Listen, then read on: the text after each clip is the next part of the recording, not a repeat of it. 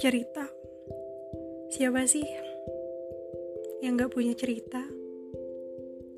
Setiap harinya, setiap detiknya, bahkan setiap perjalanan hidup pasti ada ceritanya. Di sini tempat bercerita, tempat bermonolog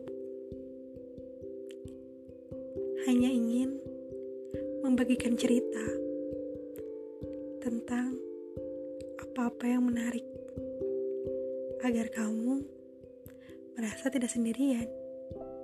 Welcome to Suci Monolog.